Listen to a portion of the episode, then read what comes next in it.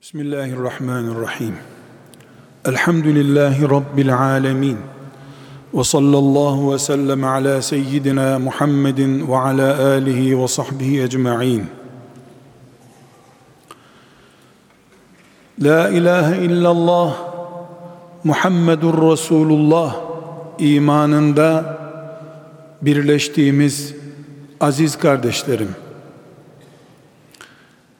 Hepimiz büyük bir hakikati itiraz edilmeyecek şekilde biliyoruz.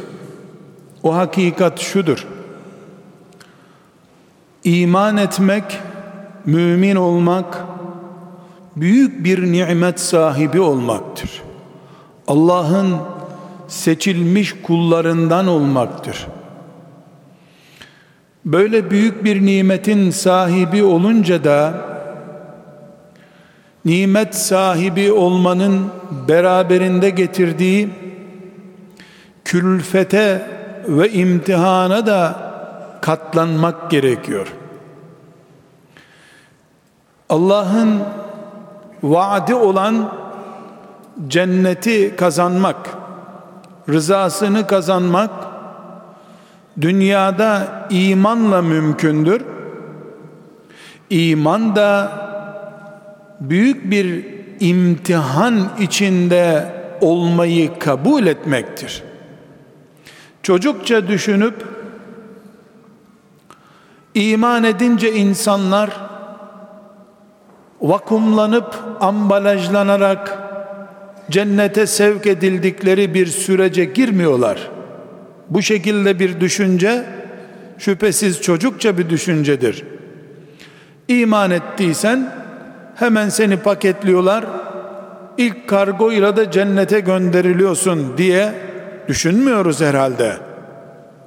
Kardeşlerim iman edenlerle ilgili mümin insanın imtihanı ile ilgili ilk akla gelen şey maalesef sadece Bilal-i Habeşi gibi Habbab İbni Eret gibi ve veya Ammar İbni Yasir gibi Sümeyye gibi Allah hepsinden razı olsun ilk iman eden neslin kafirler tarafından fiziksel tacize uğramaları hep örnek olarak aklımıza geliyor.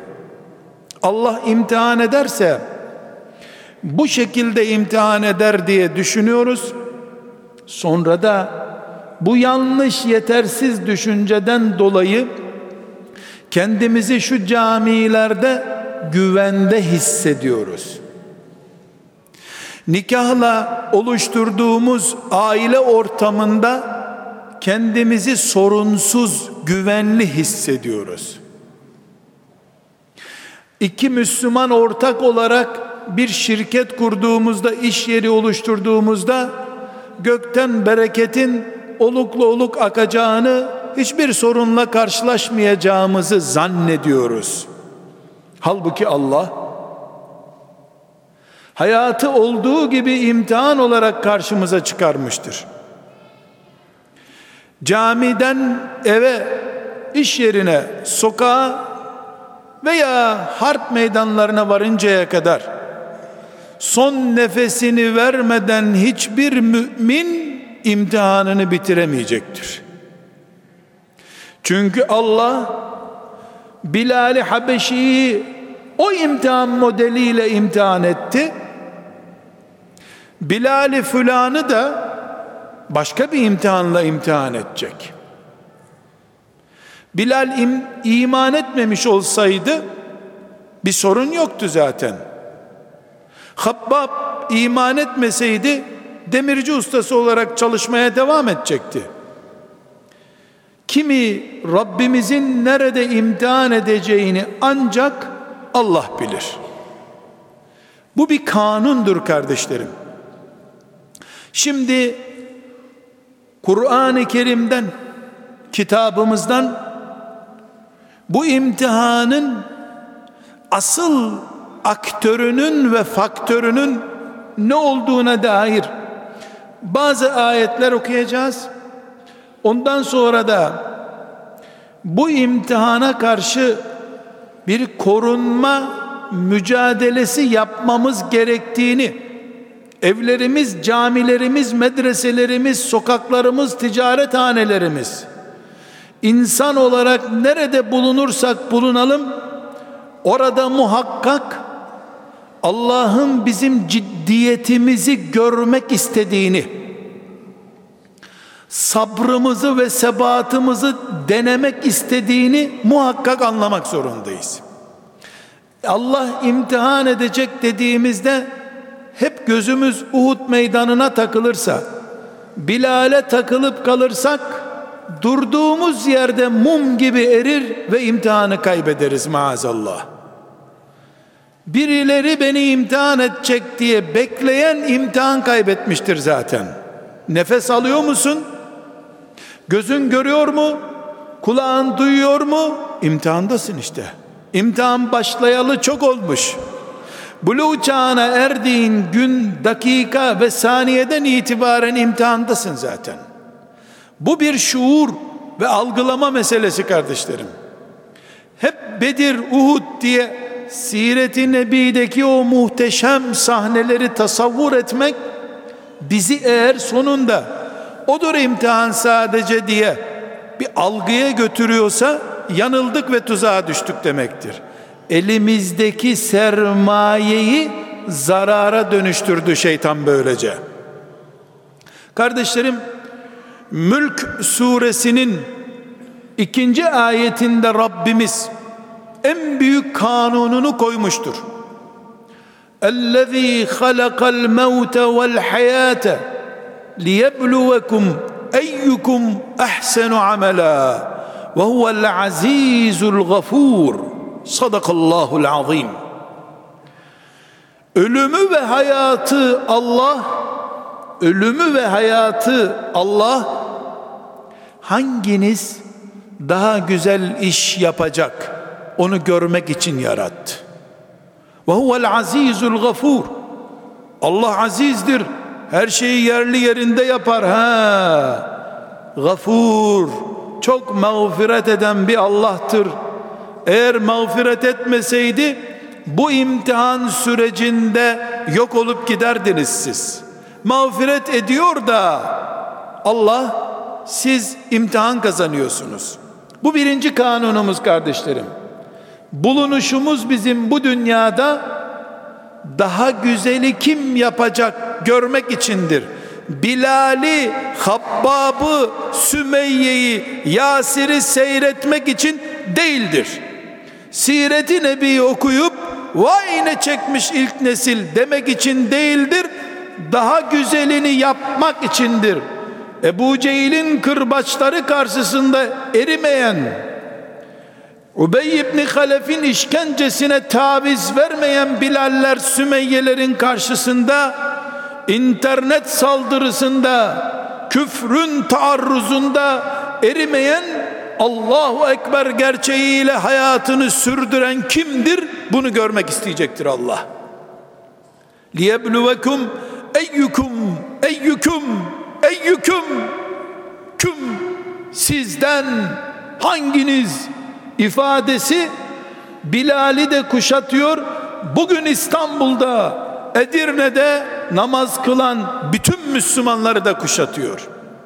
Allah'ın imtihanında Bilal'le ben, Habbab ile filanca, Sümeyye ile herhangi bir kadın hepimiz daha güzel sınavındayız.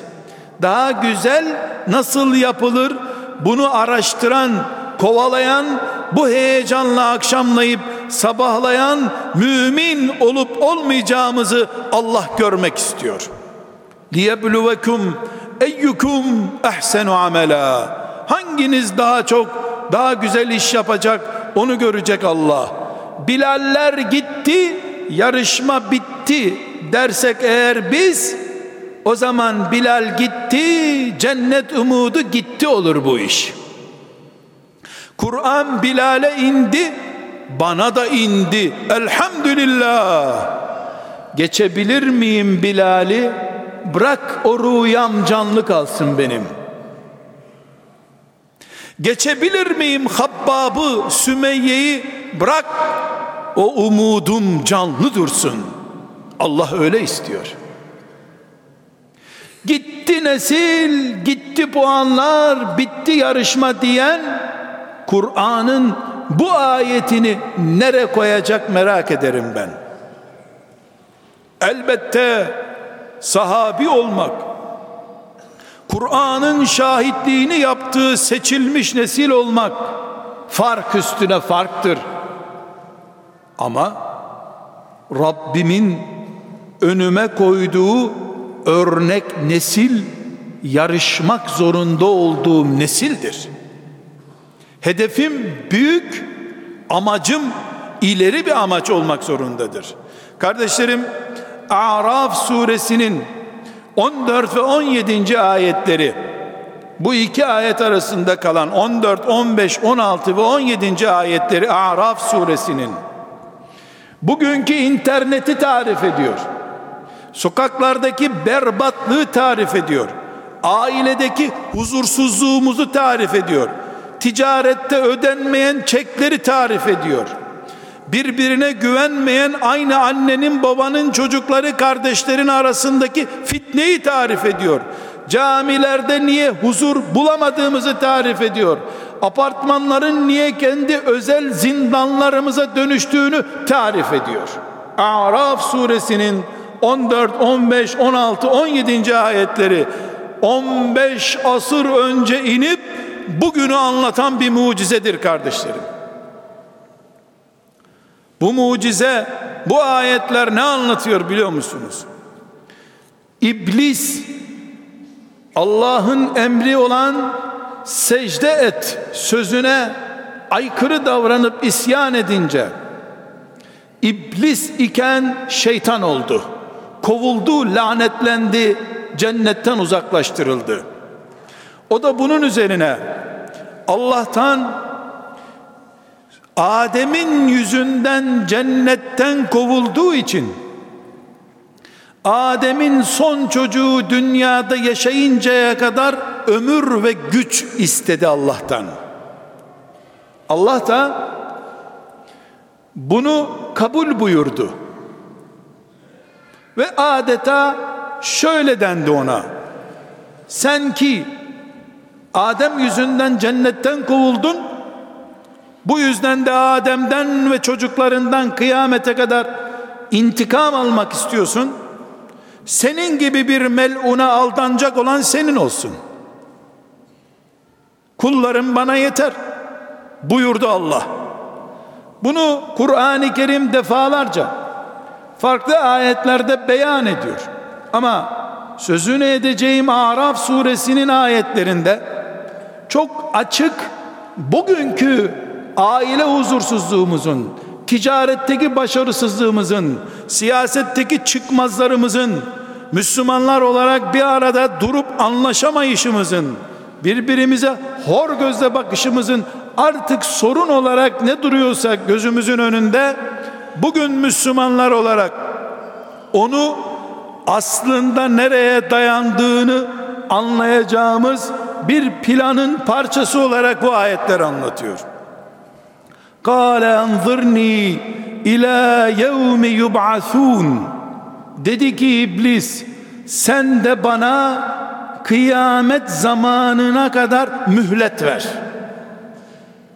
Kale inneke minel munzarin Allah da buyurdu ki sana mühlet verdim.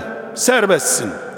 Kale فبما أغويتني لأقعدن لهم صراطك المستقيم İblis Allah'ın önünde konuşuyor. Dedi ki iblis sen ki Adem'in yüzünden beni cennetten attın ben de sırat-ı müstakimin önünde engel olacağım. Sırat-ı müstakim ne? Allah'ın yolu. Sümme le'atiyennehum min beyni eydihim ve min min beyni eydihim ve min halfihim ve an eymanihim ve an şemailihim ve sen beni bu şekilde cezalandırdığın için önlerinden, arkalarından, sağlarından, sollarından, her yerlerinden senin kullarını aldatacağım ben dedi. وَلَا تَجِدُ اَكْثَرَهُمْ شَاكِرِينَ Sen onların çoğunu imanın kıymetini bilmez göreceksin dedi Allah'a. Kardeşlerim işte evinde, camide, ticarette ve sokakta her yerde bir şer frekansının bizi kuşatma altına aldığını gördüğümüz şey budur. Huzur bulmamız gereken evlerimizde bulamadığımız huzur bundan yoktur. Ama şimdi Rabbimiz gözümüz açık olsun, iyi anlayalım diye Fatır suresinin 5. ve 6. ayetlerinde de bütün mümin kullarını ikaz ediyor. Buyuruyor ki ya eyyühen ey insanlar inne va'dallahi hak Allah'ın sözü gerçektir. Fela tegurrannekumul hayatud dünya. Sakın dünya hayatı sizi aldatmasın. Ve la yegurrannekum billahil gurur. Allah'a karşı tuzağa düşmeyesiniz. İnne şeytane lekum aduvun. Şeytan düşmanınızdır. Fettehizuhu aduvva. Şeytanı düşman nasıl algılanacaksa öyle algılayın. Bu Allah'ın vaadidir. Düşman ta cennette başlattığı projeye karşı. Sen çocuk yetiştirirken bile tedbir almazsan camiye giderken tedbir almazsan mesela en basit örnek camiye sol ayakla girersen ki bu bir tedbirsizliktir sünnete muhalefet ettiğin için binlerce sene önce seninle ilgili plan ve projesini oluşturmuş şeytanın ağlarına takılırsın. Tedbirsiz, korumasız çıkmış olursun. Kardeşlerim, Sebe suresinin ayetlerine dönüyoruz. Rabbimiz bir kere daha projenin nasıl yürüdüğünü anlatıyor. Buyuruyor ki وَلَقَدْ صَدَّقَ عَلَيْهِمْ إِبْلِيسُ ظَنَّهُ فَاتَّبَعُوهُ إِلَّا فَر۪يقًا مِنَ الْمُؤْمِنِينَ İblis, şeytan projesini inandıracak kadar süslendirip anlattı ve müminlerin bir grubu hariç pek çok insan iblise inandılar. Kardeşlerim hiçbir zaman iblis insanlara alkol al sarhoş ol demez. Biraz dinlensin kafan der. Hiçbir zaman öldür hapse gir demez. Şerefini ezdirme bu adama der. İblisin bütün projeleri orijinaldir, dekorludur, süslüdür. Bunu Allah bu şekilde bize haber verdiği için kıyamet günü hiçbir mümin aldanmıştım ben diyemeyecektir. Çünkü Allah hileli bir dekorlu bir sözle iblisin çalıştığını haber verdi zaten. Kardeşlerim bu da gösteriyor ki bizim müminler olarak iblisin çalışma taktiklerini bilmemiz zorunludur. Şimdi iblisin bu bahsettiğim Allah'ın imtihan olarak karşımıza çıkardığı ve gerekli tedbirleri almayı bize emretti. Fettehizuhu aduva. Fettehizuhu aduva. Düşmana karşı nasıl korunmak gerekiyorsa iblise karşı o şekilde korunun diye Allah'ın emrinin gereği dört açık hususunda tedbirli olmamız gerekiyor. Ya da şu şekilde söyleyebilirim.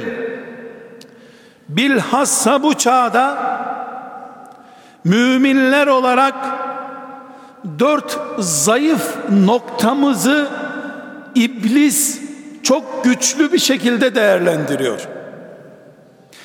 Biz mümin olarak çocuklarımız ve ailemiz üzerinde yetiştirdiğimiz nesiller üzerinde dört noktayı zayıf bırakarsak o dört noktadan iblis bizi muhakkak vuracaktır. Bunların birincisi mümin olarak kuru beklentiler içinde oluruz. Birinci tuzak. İkinci tuzak kötülükleri kendi kafamızdan iyiliklerimizle tartmaya kalkarız. Üçüncüsü şefaat e, temennimizi abartırız, yanlış değerlendiririz. Dördüncüsü de suçu Allah'a atarız. Nasıl olduğunu izah etmeye çalışayım. Değerli kardeşlerim, mümin kardeşlerim, Müslüman kardeşlerim, içimizdeki zayıf düşebilecek noktaları vurgulamaya çalışıyorum. Evimizde, iş yerimizde, sokaklarımızda mümin olarak bulunduğumuz her yerde geçerli dört zayıf noktamız bu.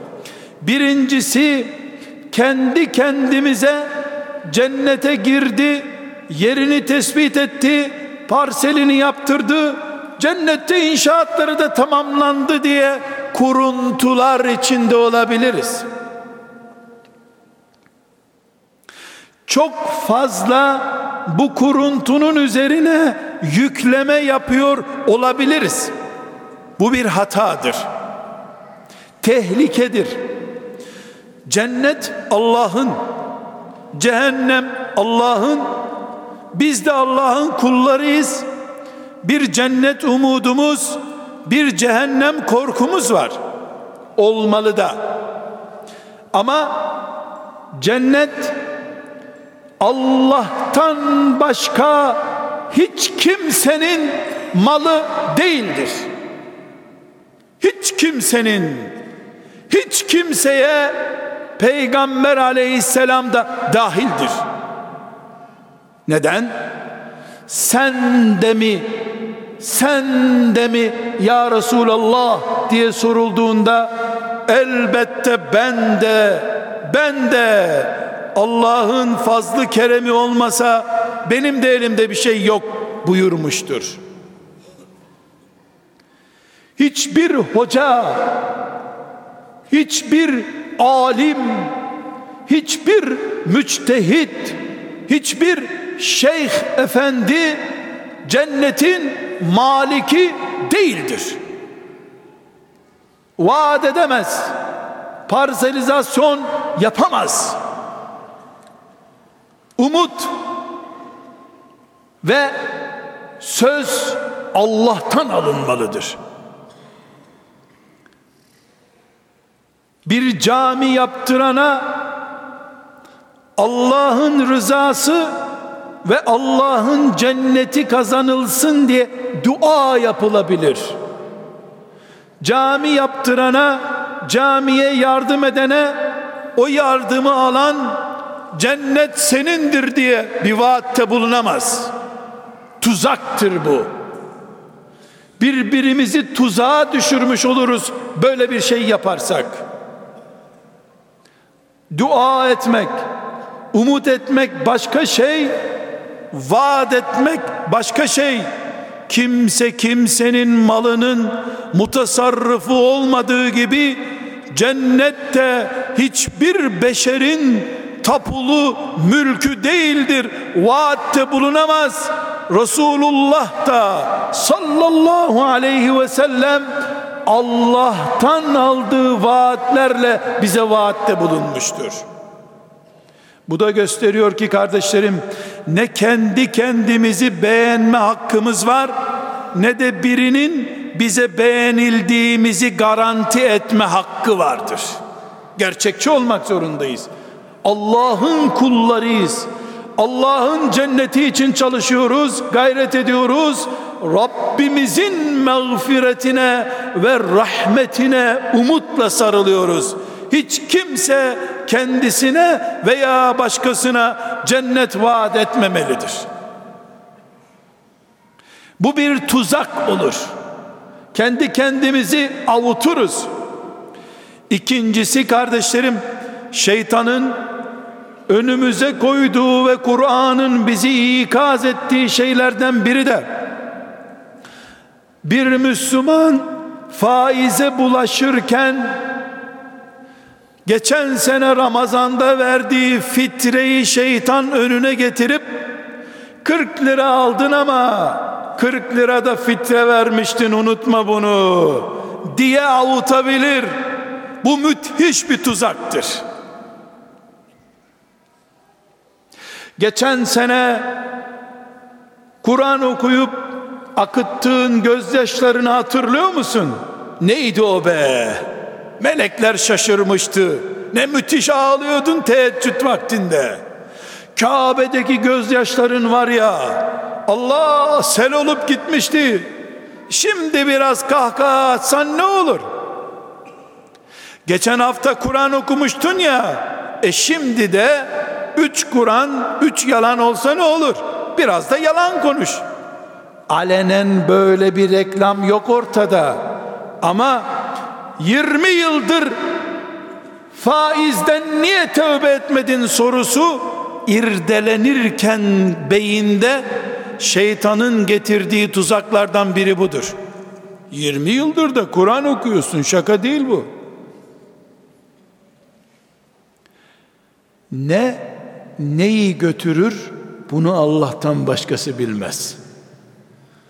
Biz Allah'ın tartacağı amelleri teraziye koyduk mu battık demektir. Yanlış. Terazi Allah'ta. Baba ve anne, öğretmen, muallim, başkan, reis, müdür. Şu çok güzel. Bu da çok çirkin. Madem geçen gün şunu yapmıştın, şimdi de bunu götürdü diyebilir. Ama üniversite sorusunda bunu yapabilir. Dört doğru bir yanlış, dört yanlış bir doğru diyebilir. Allah'ın cenneti, cehennemi, sırat, mizan, hasenat ve seyyiat söz konusu olduğunda kaç yanlış bir doğruyu götürür, kaç doğru bir yanlışı götürür, onu sadece Allah bilir. Kim bildim diyorsa yalan konuşuyordur. Bizi oyalıyordur, şeytanın avucuna atıyordur bizi. Şu kadar günah işlemiştin, şu kadar da sevabın var, hadi hadi iyisin gene. Kim bu sözü söylüyor? Kim oynuyor mukaddesat ölçülerimizle bizim? Sadece Allah'ın bilgisinde olan şeyler kulların eline düşerse oyuncak olur onlar. Kullar Allah'ın cennetiyle, hesabıyla, mizanıyla oynayamazlar. Çarpılır insan maazallah. Bu bir şeytan tuzağıdır. Geçen sene iftar vermiştin ya. Yahu kaç fakir katılmıştı o iftara? 200. Uuu, 200 fakir. 20 işçinin maaşı gecikse bir hafta ne olur? 200 iftar şaka mı geliyor sana? Bak kaç katı onun. Oyalanma. Bir işçinin kul hakkı 5000 kişiyi doyurduğun iftar sofrasına denk olmayabilir Allah katında. Kimin defterleriyle oynuyorsun sen? Bu rakamları kimden aldın? Mülk Allah'ın, hesap Allah'ın, akıbeti belirleyen de Allah olmalı. Kul haddini aşmamalı. Onun için diyoruz ki kuru temenni şeytan politikasıdır. Korunmalıyız buna karşı. Umudumuzla da oynamasın şeytan. Ürküterek de bizi korkutmasın. Biz Rabbimizden umutluyuz. Rabbimizden korkarız. İki, günah ve sevap, iyilik ve kötülük dengelemesini Allah yapar. Kul yapamaz. Öğretmen matematik sorularının iyilerini kötülerini dengeler. Ahlak dersi puanını da dengeler. Ama ahiret işlerine Allah'tan başkası karışamaz. Üçüncüsü kardeşlerim şefaat meselesidir. Kur'an imanımıza göre Resulullah'ın hadisi şeriflerine göre aleyhissalatü vesselam şefaat vardır, haktır, olacaktır. İnkar eden zaten kendi ipini çekmiş adamdır. Ama kim kime ne kadar şefaat edecek? Bu şefaat ne kadar kabul olacak? Var mı bir matematiksel ölçü? Resulullah'ın şefaati aleyhissalatü vesselam hak mıdır? Güneş kadar haktır. Şu elime baktığımda ne kadar gördüğüme inanıyorsam inşallah peygamberimi beni cehennemden kurtarırken görür gibiyim bu elimden daha fazla inşallah. Ama sonuçlar belli değil. Doktorun müdahale edeceği doğru ama ciğerimi ne kadarını kurtaracağı belli değil henüz. Şefaat barkod numarası alıyorsun otomatik sana geliyor bir şey değil ki. Kaç çömlek kırdın abi? Kaç çömlek kırdın sen? Şefaat bunların kaçı için geçerli belli değil ki. Peygamberinin sünneti, hadisi yok sayılırken sen neredeydin? O da mı şefaate uğrayacak? Şefaat hak, bana geçerliliği ne kadar belli değil. Yüzde kaç beni kurtaracak belli değil. Bütün olarak hak olan bir şeyi olduğu gibi babamın malı saymam aptallıktır. Kim kimin malı sayıyor şefaati? Bu bir şeytan tuzağıdır. Kır dök, şefaate umut bağla. Kim bilir şefaat gözü yaşlı ahirete gidenler için geçerlidir. Resulullah'ın şefaati hak aleyhissalatü vesselam. Allah'ın dost dediği kullarının şefaati hak. Hafız kulların şefaati hak. Söz veren Resulullah çünkü sallallahu aleyhi ve sellem. İnanmayanın dininden şüphe ederiz. Garanti bilenin de aklından. Senin malın mı bu? Barkod numaran senin şefaat mi? Demek ki bunu şeytan bir tuzak olarak kullanabilir herkese karşı. Akıllı mümin kimdir? Şefaate iman eder, şefaate ehil olmak için çırpınır durur. Musalla taşındaki akrabalarının şefaat ya Resulullah sözünden başka Resulullah duymamış bir kulak da mı şefaat görecek kıyamet günü? Kuru umut değil, yeşermiş bir şefaattir beklentimiz bizim. Sevdaya dönüşmüş peygamber ismidir şefaatli olarak gelecek olan. Ve kesinlikle bu ümmetin büyük günah işleyenleri öncelikli şefaat görecekler. Hadis böyle. Çünkü büyük günah işlemek başka, büyük günahları turşu yapıp kuru kuru şefaat beklemek başka. 90 kişinin katili de olsa, 100 kişiyi öldürmüş bile olsa Allah'tan umudunu kesmeyip yollara düşen kimse şefaate erecek olan da odur. Kuru beklenti ise şeytan tuzağıdır. Kardeşlerim dördüncü şeytan tuzağı da suçu Allah'a atmak meselesidir. Nedir Allah'a suç atmak? Yap yapabildiğini Allah böyle yaratmış ne edelim de. Allah cenneti de yarattı, cehennemi de yarattı. Her ikisine giden yolları da yarattı. Herkese akıl verdi, kalp verdi. Hiç kimse kıyamet günü ben sarhoşun çocuğuydum diyemeyecektir. Bizim orası hocaların bol olduğu yer değildi diyemeyecektir. Hiç kimse Allah'ı suçlu hale getiremez. Allah istedi de böyle oldu demek başlı başına bir suçtur zaten. Aklını kullanmak, basiretle hareket etmek her insanın görevidir. Herkes buna dikkat etmek zorundadır. Kardeşlerim, ulaşmak istediğimiz netice şudur. Rabbimiz bizi mümin olarak yarattı. Elhamdülillah. Elhamdülillah. Ama Kur'an'ı defalarca buyurdu ki bakın bu imanınızı koruyup koruyamayacağınızı test etmek için iblisi de görevlendirdik. Allah buyuruyor. Okuduğumuz ayetler bu gerçeği vurguluyor. İblisin vazifesi de kime verilen imanı koruyacak, kim de korumayacak bunu test etmektir.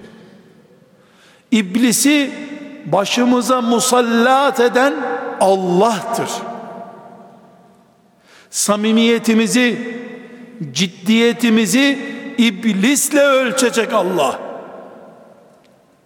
Herhangi birimiz ben iblisi bela olarak istemiyorum diyemez. Evimizde iblis bulunacak. Camimizde bulunacak. Ticaretimizde bulunacak. Sokağımızda bulunacak. Çocuk yetiştirirken o var. Ortaklık yaparken var. Hatta hatta ve hatta iblisi taşlamak için hacca giderken Mina'da iblisi racmen şeytan deyip şeytanı taşlamak için cemerata Mina'ya giden hacı adayı mümin de bilecek ki şeytanı taşlamaya giderken en büyük rakip en önemli düşman yine şeytandır. Yine şeytandır. Şeytanı taşlarken bile şeytan kalitemizin avcısı durumundadır. Bunun için nohut tanesi kadar yedi tane taş at der Allah. Hacı efendi şeytanın kafasını yarmak için terliğini atar, mağlup olup geri gelir. Şeytanın kafasını kırdım zanneder, kendi beyni ezilir orada. Çünkü kulluk şeytanla sokak kavgası yapmak değildir. Şeytandan kaçıp Allah'ın yanında olmaktır. Sünnete uygun Müslüman olmaktır. Şeriat ehli olmaktır. Sokak kavgası yapmak değildir. Sokak kavgası düzeyine düşürenler şeytana mağlup olup geri gelirler. Haçta bile, Mina'da bile, Arafat'ta bile. Kardeşlerim Rabbimiz bizi tuzağa düşürmüyor. Ap açık bir şekilde liyebluvekum eyyukum ehsenu amela diyor. Sınayacağım. Hanginiz daha güzel iş yapacak bunu görmek istiyorum dedi Allah. Sonra da hepimizin gözü önüne şeytanla yaptığı protokolü de koydu. Ne dedi şeytan? Febima اغويتني sen ki beni Adem'in yüzünden bu hale getirdin İblis iken şeytan yaptın beni Ben de onların nerede senin rızanı yakalama gayreti varsa karşılarına çıkacağım dedi. Allah ne buyurdu? Kullarıma dokunamazsın. Mümin kullarıma dokunma. Kafirlerle git meyhanede ne yapacaksan yap demedi Allah. İnneke minel munzarin. Tamam sana izin veriyorum dedi. İzin veriyorum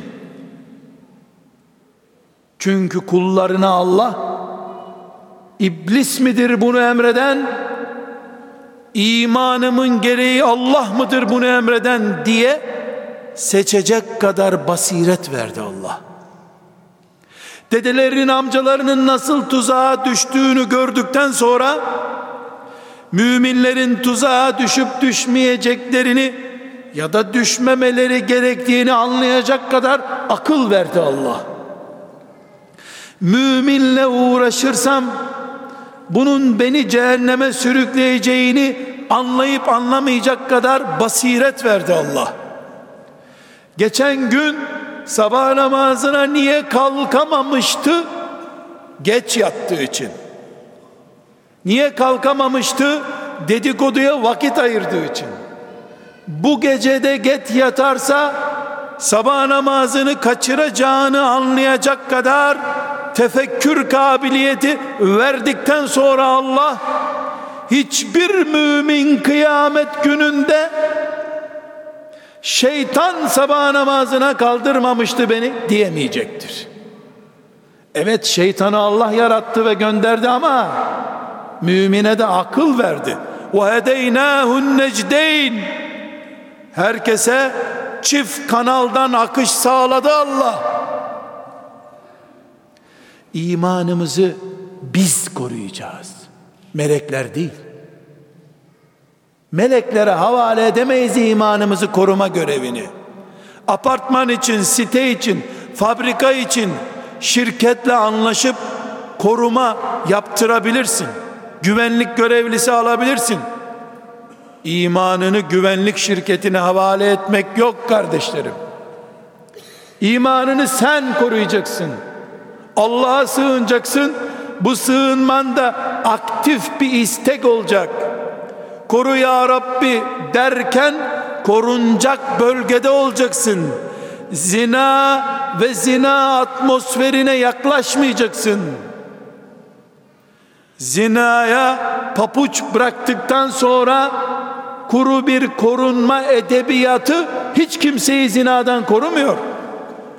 Alkole karşı her türlü tedbiri alacaksın.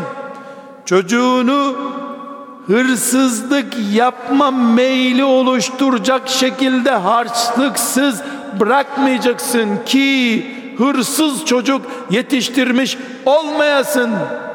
Gerekiyorsa evde su parasını kısacaksın, az su harcayacaksın. Su parasından artırdığın 3 lirayı birer lira her hafta harçlık vereceksin ki susuz kalmaya alışsın çocuğun ama harçlıksız kaldığı için hırsızlığa alışmasın diye düşüneceksin ki yarın Rabbinin huzuruna çıkıp şeytan benim çocuğumu hırsızlığa alıştırmıştı ben mesul değilim demek zorunda kalmayasın desen de zaten kimse bunu özür kabul etmeyecek senden.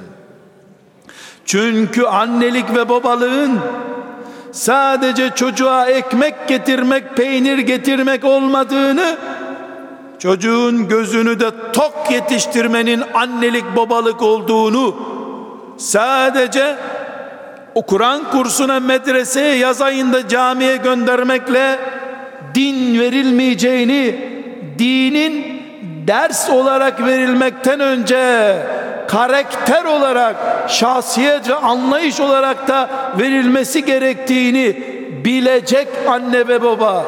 Kendisinin ve çocuklarının ailesinin imanını, şahsiyetini, mümin kimliğini böylece korumuş olacak ki kıyamet günü şeytanın tuzağına ben düşmeyecektim de o zorla beni yakaladı demeyecektir.